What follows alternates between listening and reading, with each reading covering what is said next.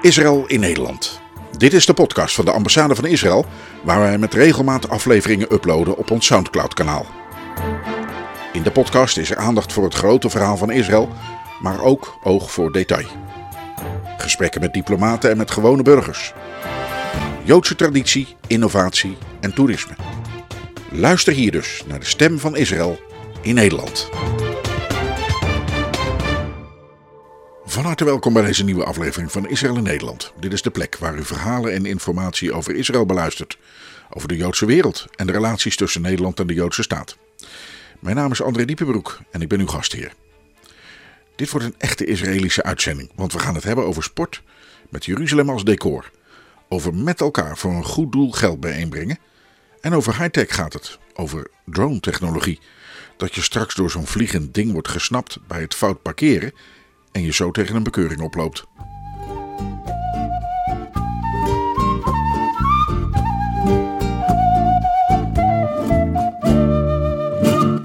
Je inspannen voor een goed doel. Het is iets wat veel mensen doen. En marathons lopen in de vorm van een sponsorloop is iets waarover je regelmatig hoort. Nu kun je marathons lopen in Keulen en Parijs, in New York en Rotterdam. Maar dan is hardlopen in en om Jeruzalem toch wel net ietsje meer bijzonder dan die andere wedlopen, nietwaar? 30.000 deelnemers uit meer dan 60 landen liepen de wedloop door de stad met 3000 jaar geschiedenis. Onder al die mensen waren drie Nederlandse studenten die naar het beloofde land togen om daar hun krachten in te zetten voor Adi in de Jerusalem Marathon 2023. Jacco Eerland, Julian Potuit en Cariel Diepenbroek. En dat hoort u goed. Het is dan toch wel net even bijzonder als je eigen zoon zoiets gaat doen. ADI is overigens een organisatie die de zorg draagt voor kinderen met een ernstige meervoudige handicap, zowel cognitief als fysiek. De twee vestigingen van ADI zijn opgericht in 2001 in Jeruzalem en in 2005 in de Negev, onder auspiciën van Allee. De mogelijkheden van kinderen met ernstige fysieke en cognitieve handicaps worden vaak onderschat, las ik op de website. Omdat zij niet in staat zijn hun gevoelens, wensen en voorkeuren te uiten, wordt er vaak gedacht dat rehabilitatie en persoonlijke ontwikkeling niet relevant voor ze is. De ervaring van Adi bewijst het tegendeel. Adi draagt de zorg voor kinderen, ongeacht hun religie of hun etnische achtergrond, en streeft ernaar de brede maatschappij bewust te maken dat de zorg en het welzijn van mensen met een ernstige beperking een collectieve verantwoordelijkheid van ons allemaal is. En zo deed een hele grote groep mensen mee in de felgroene shirts van Adi. Onder hen een Team Holland. Na afloop sprak ik de drie leden van dat Team Holland en vroeg ze hoe de marathon was gevallen. Nou, het zit erop. Jullie hebben alle drie de marathon van Jeruzalem gelopen. Eén van jullie heeft de hele marathon en twee hebben de halve gelopen. Uh, Jacco, volgens mij had jij de hele marathon gelopen, klopt dat? Ja, dat klopt, inderdaad. En hoe was dat? Want ben jij een ervaren loper? Ben jij, uh, doe je het vaker of zo? Of uh, ben je echt een sportman die, uh, die al New York, Parijs en weet ik veel wat gedaan hebt? nou, eigenlijk helemaal niet. Ehm, ik, ik probeer me af en toe een beetje sportief te gedragen. Ehm, ik, ik, loop vaak zelf thuis best wel wat afstanden, maar aan races meedoen, dat heb, ik, dat heb ik nog niet eerder gedaan. Dus dit was echt de eerste keer. Oké, okay, vond je het spannend? Want ja, dat, je moet het dan toch wel halen natuurlijk. Ja, ik vond het zeker best wel spannend uh, van, van tevoren. Het is natuurlijk wel een behoorlijke afstand. En uh, ja, ik, ik woon zelf in Zeeland en uh, daar is het heel vlak. En hier in Jeruzalem is het heel heuvelachtig. Ja. Dus het was echt een, een ding waar ik, waar ik niet, niet voor kon trainen eigenlijk. Dus dat was best wel, best wel spannend van tevoren, ja. En de andere twee deden de halve marathon, maar jij moest dat dus in je eentje doen. Ja, dat klopt, ja. Dat nou ja, er liepen nog veel meer mensen mee, maar... Was het niet een beetje eenzaam? Uh, nou, eigenlijk niet. Uh, er liepen nog veel meer mensen mee. Dus ik heb met heel veel mensen kennis gemaakt uh, onderweg. Oké. Okay. Dus dat was eigenlijk best, best leuk. Ja. Hey, en de andere twee, jullie hebben de halve marathon gelopen. Hoe was dat? Julian, eerst maar even jij. Ja, super mega leuke ervaring. ik vond het ook mooi om door Jeruzalem heen te lopen. Je ziet, nou ja, je loopt natuurlijk 20 kilometer lang. Dus je ziet ook van alles in, in de oude city. En we komen door de Jaffa-poort, uh, zijn alle van alles tegengekomen. En ook uh, van, uh, allerlei landen kwam je mensen tegen. Je maakte een praatje onder het lopen. Dat vond ik ook erg leuk. Maar nou, nou even voor mijn begrip, hè. nou zijn jullie natuurlijk aan het rennen. Ik bedoel, als ik ren, dan loop ik te hijgen en dan eh, kan ik helemaal niet met iemand praten. Maar jullie hebben dus wel gepraat met mensen. Ja, nou, onze, onze tactiek was een beetje eh, in het begin rustig aandoen. En omdat het erg heuvelachtig is, zoals Jacco ook al zei, dan is het, niet, eh, dan is het eigenlijk bijna niet te doen om vol gas te gaan. Dus we hebben het op een rustig tempo gedaan. En het, vooral waar je het meest last van hebt, is je benen, die, je spieren op een gegeven moment die, waar je last van begint te krijgen.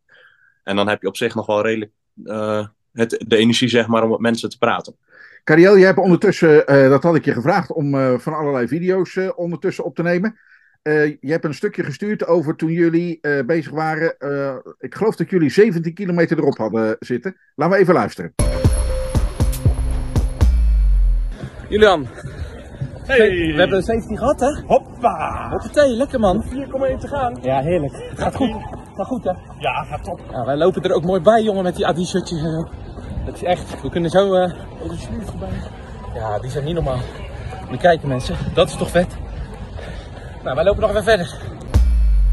17 kilometer en jullie klinken nog best fruitig. Viel, viel het je mee eigenlijk? Want hè, uh, Julian zegt net, uh, het was heuvelachtig en zo. Dat was best wel, uh, ja, daar zagen we een beetje tegenop. Hoe vond jij dat?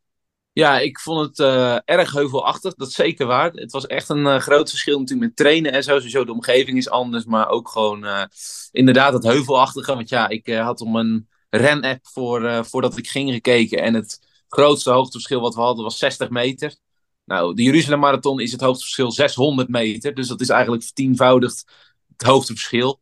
Dus ja, dat, dat kunt u allemaal wel een beetje raden hoe dat voelde. Um, ja, en ik, ik, vond het, ik vond het zelf meevallen. Ik denk te meer omdat uh, Julian mij echt goed tegenhield met uh, dat ik niet te snel ging. Ik was zelf heel erg van doorlopen, lekker doorgaan en het ging goed. Dus dan krijg je energie en denk je van, nou, dan kan je lekker gaan, gaan, gaan. Maar Julian zei juist van, nee, het is heuvelachtig, afdalen, pas nou op, daar ga je te snel, enzovoort. Dus die hield me eigenlijk in. Dat, daardoor ging het heel goed. En ik trok Julian juist een beetje omhoog qua snelheid. Um, dus we wisselden elkaar soort van heel goed af. Uh, ja, we stemden het echt op elkaar af. En dat ging uh, ja, supergoed. En daardoor kon, uh, inderdaad, kon ik gewoon opnemen. Zonder dat ik helemaal buiten adem klonk. Ehm, ik kon praten zonder dat ik helemaal buiten adem was.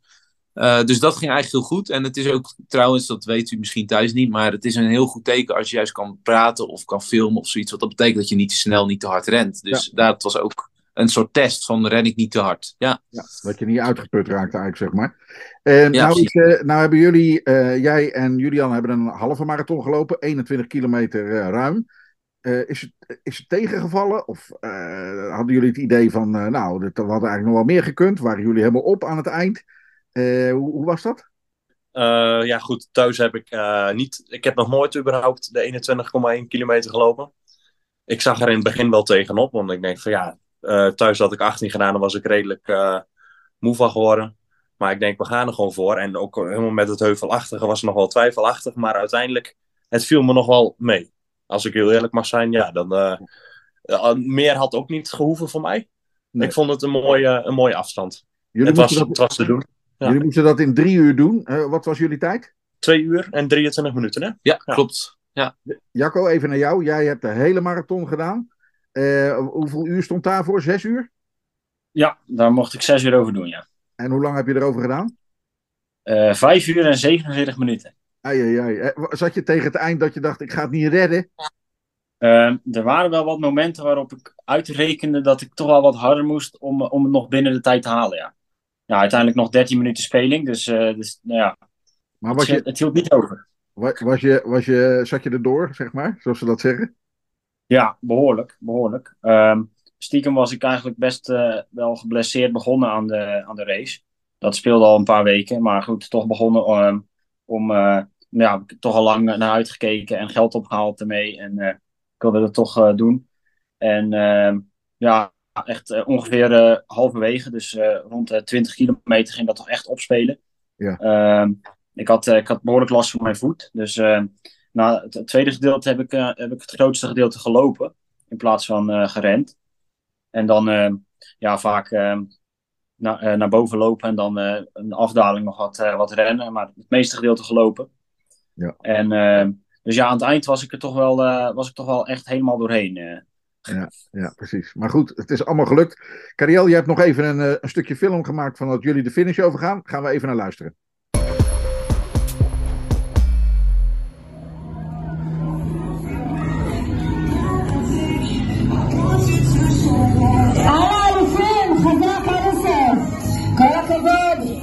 עשיתם זאת חצי מרתון. כל הכבוד. היי, חיוך גדול, הרים ידיים. מגיע לכם שאפו גדול. כל הכבוד.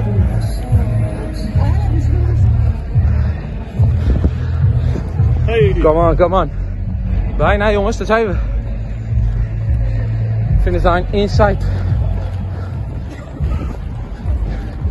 Nou, jullie al jongen. Zo.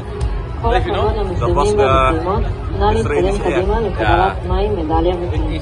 Is dit gaaf? Is dit gaaf? Twee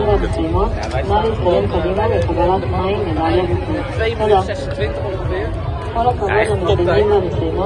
En eh, ja, nooit zo'n afstand gelopen. Nee, echt, het is fantastisch. We hebben gewoon, eh, Gewoon voor de... maar wat, wat, heeft ons nou over de streep getrokken, eh? Laten we eerst bij jou beginnen. Wat heeft jou over de streep getrokken? Ja, sowieso jou. Want jij, joh, jij, jij zorgde ervoor dat ik me inhield. En eh, verder, ik denk ehm, gewoon de hele sfeer eromheen, de muziek, de mensen, Alle de high. Je gaat, je gaat gewoon lopen door alle mensen om je heen. Het is super. Het is zo vet. En op een gegeven moment, we hadden echt alleen maar mensen in, Ja, ja, ja. Ja. De kunst is hè, in het begin inhouden. Alle gekken gaan dan keihard lopen. Die komen op een gegeven moment halen alleen maar mensen in die alleen nog maar rustig gaan wandelen. Helemaal rood op zijn. En wij, het was makkie hè. We komen... eh, Ja, we gingen echt aan het Door die laatste kilometer was heel zwaar. Het was echt een hele steile heuvel op. Echt, echt ik denk 200 meter stijf of zo, zo voelt het Ja, in ieder geval.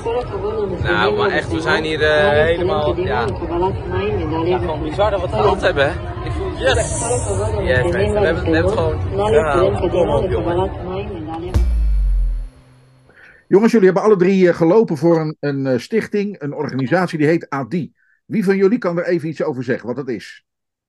Eh, Cariel? nou, dat, Of eh, Jacco? dat kan. Jacco. Ja, Ehm, nou, ADI is een, een organisatie die zich inzet hier in, in Israël voor eh, gehandicapte mensen. Ja. Ehm, heeft twee vestigingen in Israël, eentje in, in Jeruzalem en één in de Negev-woestijn.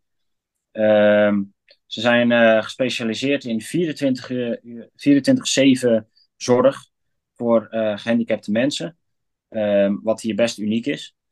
Ehm, en ze, zien, ze hebben echt het, con- eh, eh, de, het concept dat ze echt waarde zien in iedereen. Dus als, ook al wordt iemand hier afgeschreven omdat iemand weinig eh, kan, zien zij toch nog overal mogelijkheden en kansen om iemands situatie te verbeteren en om toch zo iemand waardevol te laten zijn. Oh ja. Ehm, ja, vandaar ook de naam Adi, wat, wat in het Hebreeuws staat voor zoiets als juweel. En eh, wat ook echt symbool staat voor, voor de waarde die hij toch in iedereen eh, ziet. Ja, ja, ja. ja. Ehm, eh, Julian, Cariel, ken- kennen jullie de club van tevoren of hoe zijn jullie hierbij terechtgekomen? Eh, ik kende de club eh, eerlijk gezegd niet. Ik ben via Christenen voor Israël, ben ik, eh Israelity eigenlijk, ben ik eh, eh, mee in contact gekomen, zeg maar. En jij, Cariel? Eh, Ja, ik kende wel Allee, maar goed, dat, dat, had er, dat, dat is wel een. Ze hoorden daar eerst wel bij, maar eh, nu niet meer. En daarvoor kende ik het eigenlijk. Ik kende de organisatie AD, zoals het nu is, kende ik eh, niet eigenlijk eh, van tevoren. Maar ook inderdaad via Israelity eh, erbij gekomen. Maar ze zeiden van het komt van Allee vandaan. Toen wist ik wel van oké, de Allee kende ik wel al een beetje. Dus daar kende ik het soort van van. Ja. Maar nou moeten jullie me nog even vertellen, hoe zijn jullie nou als Nederlands team voor Team Holland, om het maar even zo te zeggen, voor, voor ADI gaan rennen? Hoe, hoe is dat in zijn werk gegaan? Zal ik dat eh, vertellen? Nee, is goed. Ja.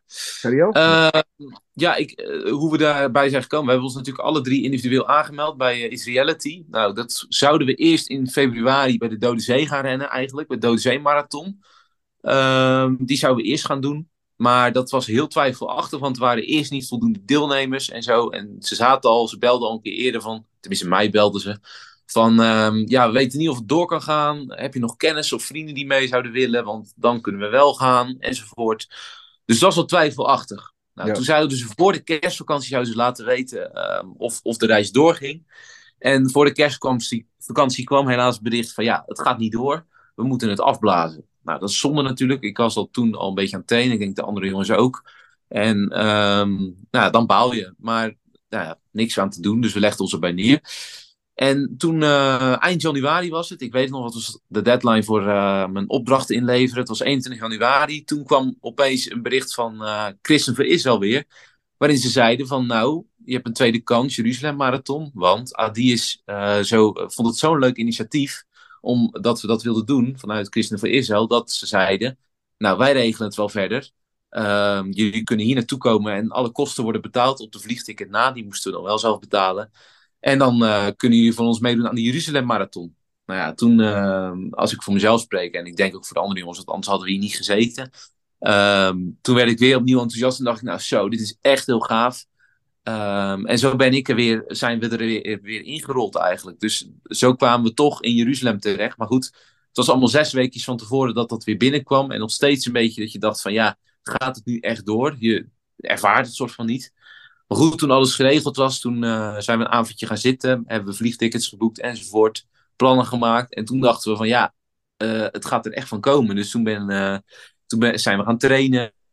we hebben onze voortgang ook weer regelmatig gedeeld. Wat we hadden gelopen. En welke tijd enzovoort. En dan motiveer je elkaar, hoewel je op afstand zit, heel erg.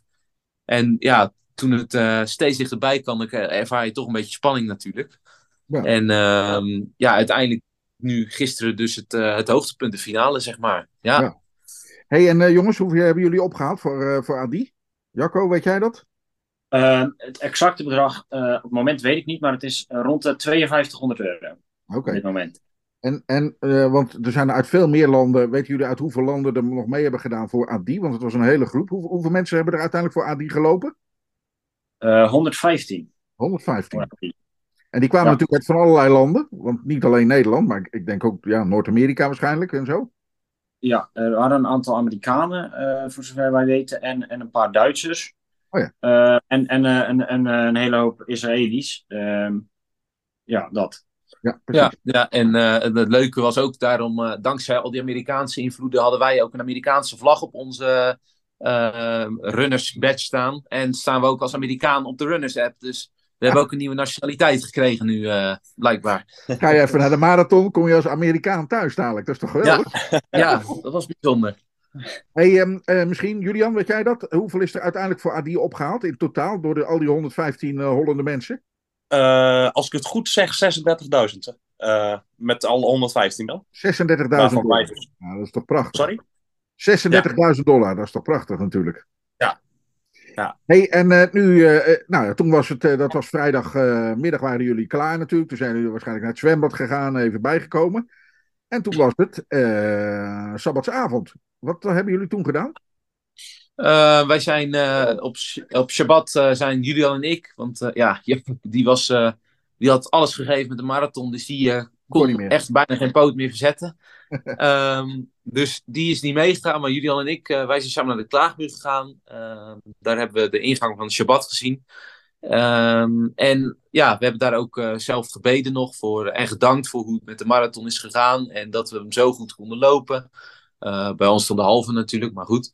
Um, dus dat hebben we daar gedaan. En ja, ik vond het een hele mooie ervaring. Julian, wat vond jij?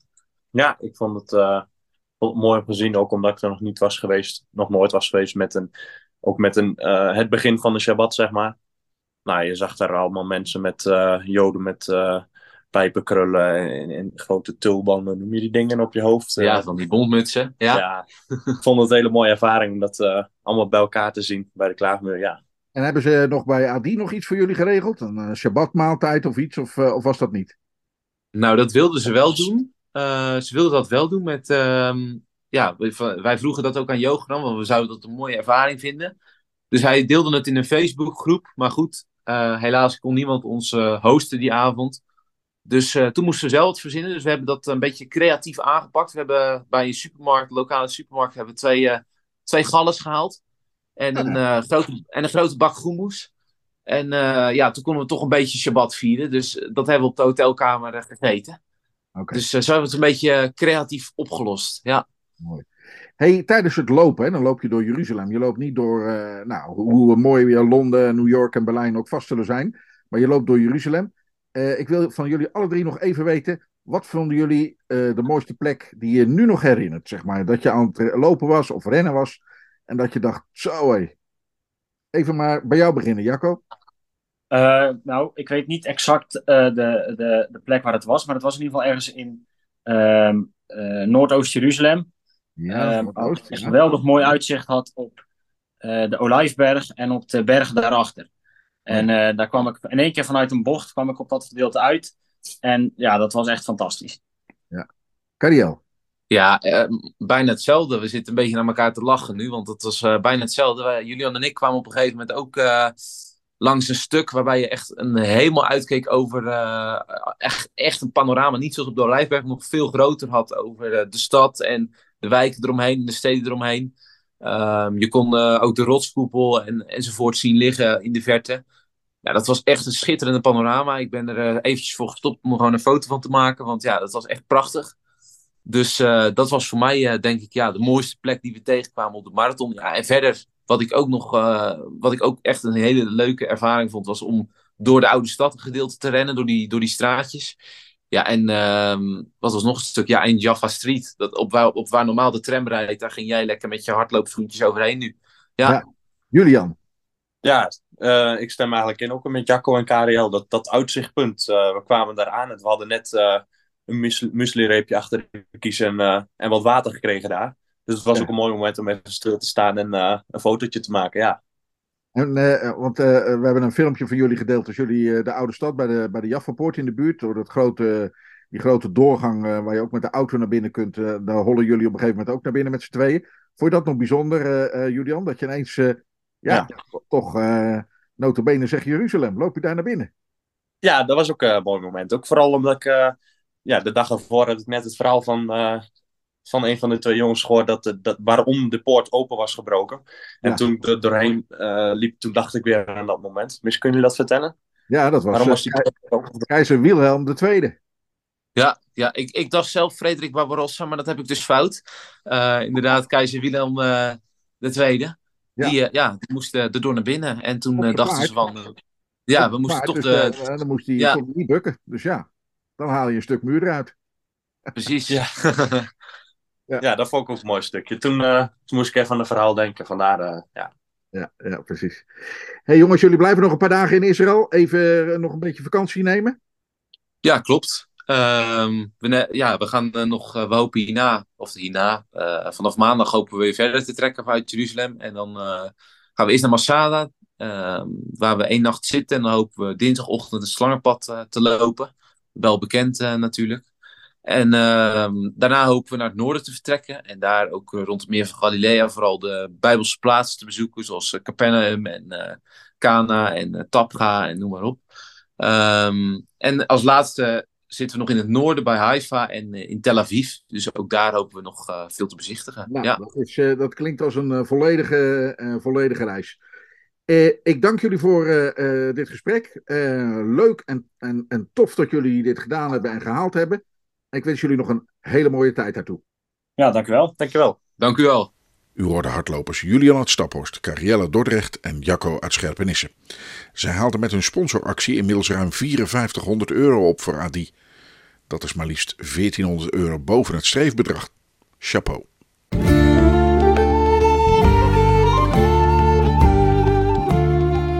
Israël in Nederland.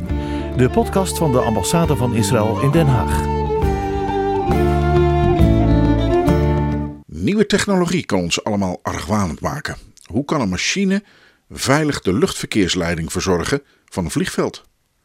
Hebben we straks vrachtwagens op de snelweg zonder chauffeurs? Of nog gekker, als u straks verkeerd parkeert, hangt er opeens boven u een kleine drone die uw overtreding vastlegt met een foto en u vervolgens op de bon slingert. Ik krijg daar dan toch wel een beetje jeuk van. Vorig jaar belegde oud-collega Rob Dekkers een innovatieseminar in Den Haag en nodigde de mensen uit die dit soort high-tech oplossingen bedenken. Opeens stond ik oog in oog met de mensen van achter de schermen, die deze hele nieuwe wereld van high-tech aan het vormgeven zijn. Ik heb toen een hoop mensen voor mijn microfoon gezet en een van hen was een aardige man, die me dat verhaal van die drones vertelde, die ons in de toekomst een bekeuring kunnen gaan geven. Thomas Sarok is hoofdmarketing bij Drones Airways, een high-tech bedrijf in Tel Aviv. Zijn bedrijf is toonaangevend in drone-technologie, met name in het denken over infrastructuur. Waar mogen drones vliegen? Hoe hoog? Wat mogen ze wel en niet? En vooral, hoe voorkomen we ongelukken? Voor dit gesprek switchen we naar het Engels. Daar gaan we. My name is Thomas Serok. I'm VP Sales and Marketing at uh, Airways uh, Drones, uh, a company based in Tel Aviv, uh, set up by uh, ex-Israeli uh, air traffic controllers of the Air Force. And um, our CTO is a technological guy from the Israeli Air Force. Now, I have something in my uh, phone where I navigate with. It's called Waze. And your name is Airways. Is it similar? You spot on. Really? Yeah, the idea was similar stuff just for the aviation. Maar wacht even dan. Uh, sorry. Then we have like a, an air control system who controls like all air flight or that's dangerous. A machine controlling how we fly. Uh, well, first of all, you have to get used to that machine will do lots of stuff, more and more. And um, I think history shows us that every time you have an invention that is so much stronger than the current situation, eventually you'll accept it. Like, you know, remember you had, used to have Crackberry? And people just use it even though they destroy their life, and now everybody got one in a pocket. So, you know, same thing. Yeah, but um, I was just came from Amsterdam Drone Week, and these days the drones are so much more advanced than what we can even think of. So you can have drones that can fly for hours. You have drones on, on uh, flying on hydrogen. Um, it's all, of course, environmental friendly. You've got uh, drones that can carry 170 kilos of, uh, of uh, load, and you've got drones which are fast. You've got fixed wings. You've got multicopters. You've got the whole lot. You have autonomous systems that, uh, for example, the police here in, uh, in Holland can say, okay, I don't want to send officers anymore. I'm just going to send an autonomous drone to find people doing double parking, for example. Okay, and, and, and take a photo and come back, and you don't need people to do that anymore. But it's not happening. I mean, we're looking up and we don't see delivery drones and we don't see policing drones, we don't see all this stuff. I don't want I don't want a drone spying on me how I park. Um, well, that's a problem. It doesn't matter if it's a drone or a person, you're going to get the ticket anyway if you double park. So um, but, but that's what I'm saying. I mean, at the end of the day, those things happen. And um, just an example from a partner we have in, um, um, in Brazil, in Sao Paulo. They, they start doing deliveries with drones. And we start to think of this as a, even a luxury or an unnecessary, unnecessary thing. And say, okay, the cost of sending a drone for a hamburger it doesn't justify it. We can send somebody with a scooter. That person on a scooter in mega cities, not just in Sao Paulo, they're getting killed every day. So it's much more than just uh, if it's going to be cheaper or not.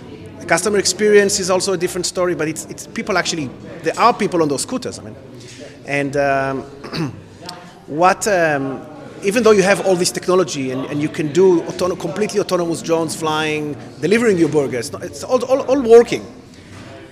But it's not. You're looking up and there's no drones like that. You don't have to worry about your, your, your, um, your um, Parking ticket. privacy and parking ticket because it's not, not happening.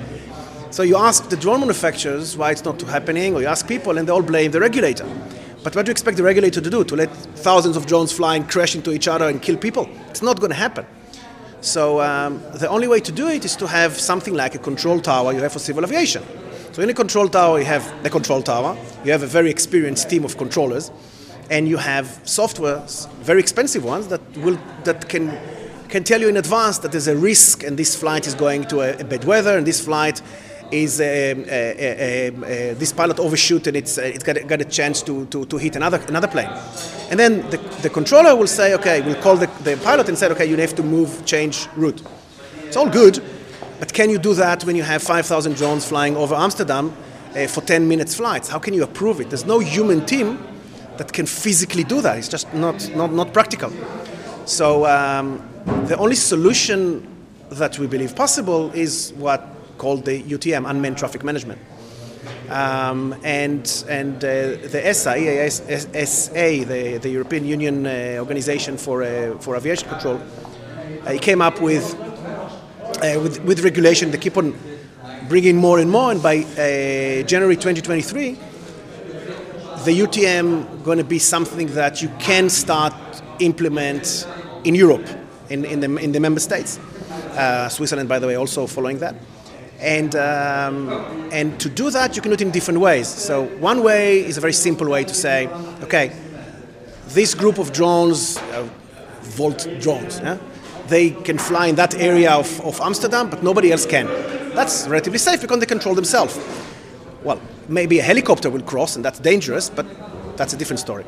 But then um, you have another option saying, okay, if you want to fly from point A to point B, I give you an approval and we close a corridor uh, for you, is safe. But why do you need to clo- close the corridor? I mean, if you have a, a, a, one mile flight and you're in the middle, why do you need to close what's behind you? And you're not in front of you yet, so why do you need to close that? It's just not practical. Commercially, it's not viable. So the only way we believe it is viable um, is the way we operate, which is allow you basically to fly from any point to any point, anytime you want, as long as you're listening to the control tower. Now, it's not you, it's the software that flying the drone listening to the software that we have. And the software that you have is managing the sky in a much more effective way, which is a virtual bubble around every drone and around every helicopter and around every light aircraft that, that goes. And basically doesn't allow them to get too close to each other. But they can still freely fly in the airspace. And the idea is really to get um, effectiveness and, and make it commercially viable. As soon as you have that, it starts making sense to operate them. And it's safe. That's the most important thing. It, you're sketching a world that is like uh, from a science fiction movie. Um, yeah. but you see it happening in the future, maybe even the near future. I think that this year you're going to see some projects, um, and, and I have a strong feeling that the Netherlands and some uh, countries like um, uh, Switzerland, um, maybe Denmark, some of the smaller but more, most advanced European countries will do it first. And is this a project uh, that is like also something for cooperation between Israel and the Netherlands? Um, yes, it is. I mean, we're an Israeli company. That's why you're here. in the Netherlands. That's why you're here. exactly. But, but in what way? Um, Do we have, for example, you have good air controllers, so you can, in, you know, program the software, and we are good software builders, or how does it work? Well, there's, there's, there's several differences between the cultures. Um, Israelis are very good in software. We're good in solving problems, doing very sophisticated algorithms. Um, the, the, Dutch are fantastic engineers, and you see a big picture. We not necessarily see a very big picture. We don't do the integration. We do the software that solves the problem. We've got a problem and we solve it. You do the bigger picture. So that's, that's why I think it works very well, this cooperation. I wish you all of success. Thank you very much. Geweldig samenwerken tussen high-tech bedrijven uit Nederland en uit Israël. Er is een probleem en Israëli's lossen het op. Maar de Nederlanders zorgen voor de goede begeleiding, de integratie van partners en het overzicht. U hoorde Thomas Serok van Drones Airways uit Tel Aviv. En hiermee belanden we aan het einde van deze aflevering van Israël in Nederland. Vergeet u niet volger te worden of anderen aan te raden dat te doen. Zo blijven u en uw vrienden steeds op de hoogte van wat wij doen en meemaken op de ambassade. Volger worden kan via alle bekende podcastaanbieders zoals Overcast, Spotify, Podbean en Google Podcast. En u kunt ons ook gewoon bezoeken op ons Soundcloud-account. Gaat u dan naar soundcloud.com slash in Nederland. Ik zal er ook enkele links plaatsen over de Jerusalem Marathon naar de websites waar u foto's van de hardlopers kunt bekijken en ook meer informatie kunt inwinnen over Stichting ADI. Voor nu, dank voor het luisteren en graag weer tot binnenkort.